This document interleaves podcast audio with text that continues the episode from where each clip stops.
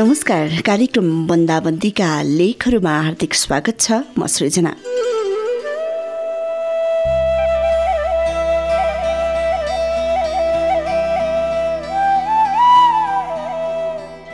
Lockdown जेठ पाँच गतिसम्म भनेर भनिएको छ। यो समयमा तपाईँको हाल खबर के छ? कस्तो अवस्थामा हुनुहुन्छ तपाईँ?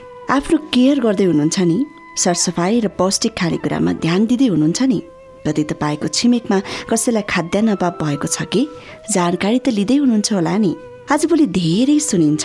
प्रकृतिको दोहन बढी भएर प्रकृतिले सजाय स्वरूप कोरोना भाइरस आयो भन्ने कुरा। जे भए पनि यो समयमा हामीभित्रको मानवता भने हामीले मर्न दिनु हुँदैन मानव मानव बिचको भातृत्वको सम्बन्ध हराउन दिनु हुँदैन। त्यसैले आफ्नो वरपर कसैलाई सहयोगको आवश्यकता छ भने सहयोग गरिदिनुहोस्। आफ्नो विशेष ख्याल गरिदिनुहोस् है। अनि आफूलाई स्वस्थ राख्नका लागि हर कदमहरू अगाडि बढाइरहनुहोस् है।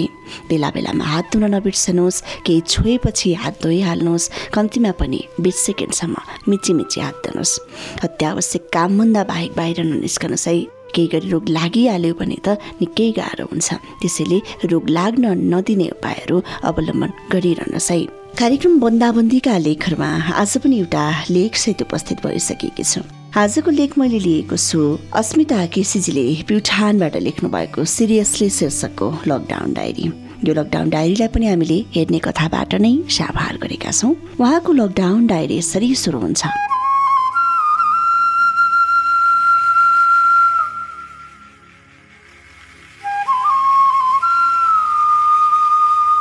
स्नातक तेस्रो वर्षको फाइनल परीक्षा नजिकै थियो।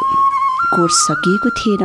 त्यसैले हामीलाई एक्स्ट्रा क्लासको व्यवस्था गर्नका लागि डिपार्टमेन्ट प्रमुखलाई पत्र पठाएका थियौँ। सरले पनि केही दिनमा सबै प्रबन्ध मिलाउने कुरा बताउनु भएको थियो।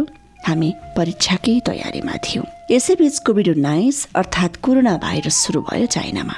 म जान्ने भएदेखि कुनै पनि यस्ता भाइरसहरूको हल्ला सुनिएको थिएन नेपालमा। त्यसैले हामीले यसलाई मजाककै रूपमा लियौँ। तर समय बित्दै गयो भाइरस लाग्ने मात्र होइन लागेर मर्नेहरूको समाचार बाहिरिएसँगै अन्य देशमा पनि फैलिएर यसले प्रा पारेको प्रभावका समाचारहरू पनि आउन थाले। छिमेकी राष्ट्र भारतमै पनि सङ्क्रमितको सङ्ख्या वात्तै बढ्यो। हिजो अस्तिसम्म मजाक गर्दै हाँसोको विषयवस्तु बनाइएको कोरोनालाई मेरा साथीहरूले पनि सिरियसली लिन थाले म स्वयं पनि। हामी यतिसम्म सिरियसली लिन थालेछौँ कि? हाम्रो मनमा अनेकौँ डर पैदा हुन थाल्यो। यसै त कोरोनाको डर अझ सरकारले गरेको लकडाउन अनि लकडाउनका कुराले झनै डर पैदा गरायो। सरकारको निर्णय मनासिब थियो तर हामी बाहिरबाट आएर काठमाडौँमा बस्नेहरूको लागि खान बस्न समस्या हुने ठानेर म प्युठान फर्किएँ। लामो समयदेखि अध्ययन र अन्य कामको बाहनामा घरभन्दा बाहिर नै बितेका थिए दिनहरू। चाडपर्वको बेला घर आए पनि फर्कन उस्तै हतार हुने। धन्न इन्टरनेट छ। नत्र त गाउँमा भएका नयाँ गतिविधिसँग बेखबर हुनु पर्थ्यो। अहिले गाउँघरमा गाउँ भित्र्याउने मकै छर्ने काम छ।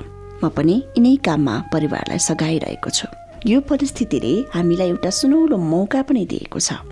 आफ्नो समय सृजनात्मक काममा खर्चने र आफूलाई सृजनशील बनाउने। म पनि यसलाई सकारात्मक तरिकाले उपयोग गर्दैछु। मैले यही समयमा थुप्रै कविता गजल र मुक्तक पनि रचना गरेँ। यसको बारेमा थप अध्ययन गर्ने मौका पनि मिलेको छ। त्यसैले अझै सरल भएको छ। बेला बेला अनलाइन प्रतियोगिता पनि हुन्छ जसमा सक्दो सहभागी हुन्छु। थुप्रै साङ्गीतिक संस्था तथा मिडियाले लाइभ प्रोग्राम चलाउँछन्। म सुनेर र हेरेर दिन बिताउँछु। यसबाहेक आफ्ना कोर्स बुकहरू पढ्ने त छँदैछ। बाँकी समय चलचित्र हेरेर बित्छ।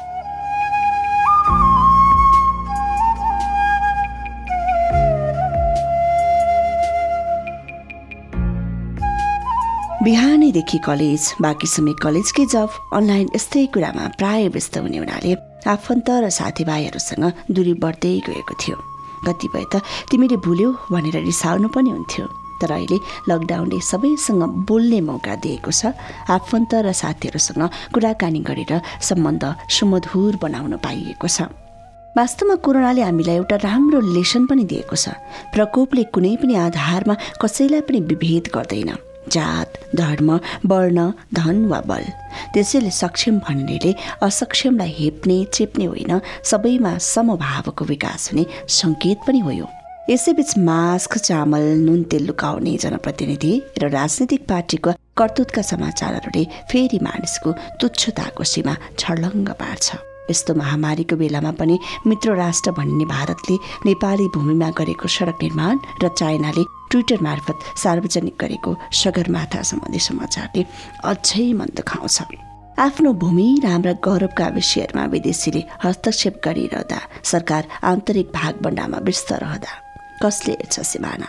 सगरमाथा र मेरो लिपुलेक अहिलेसम्म कोरोनाको कारणले देशमा कसैको मृत्यु नभए पनि रोजगारी तथा अध्ययनको सिलसिलामा विश्वका विभिन्न देशमा रहेका नेपालीको मृत्युको खबरले पनि स्तब्ध तुल्याउँछ।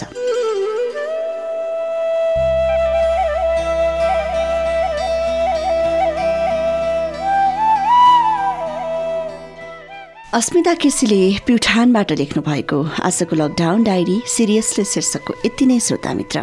आजलाई भने कार्यक्रम बन्दाबन्दीका लेखहरू यति नै। भोलि फेरि यही समयमा अर्को एउटा बन्दाबन्दीका लेखहरूसित उपस्थित हुने नै छु र आज पनि लकडाउनको चौन्नौ दिन रहेको छ। यति बेलासम्म यो कार्यक्रम तयार पार्दासम्म सङ्क्रमित सङ्ख्या दुई सय सडसठी पुगिसकेको छ भने निको हुनेको सङ्ख्या पनि छत्तिस पुगिसकेको छ। यो आशाको कुरा पनि हो छत्तिसजना निको भइसक्नु भएको छ। यो कार्यक्रम तयार पार्दासम्मको रेकर्ड अथवा तथ्याङ्क हो यो। कार्यक्रम तयार पार्दासम्म जतिजना हुनुहुन्छ सङ्क्रमितहरू उहाँहरूको तथ्याङ्क हो यो। योभन्दा बढेको पनि हुनसक्छ।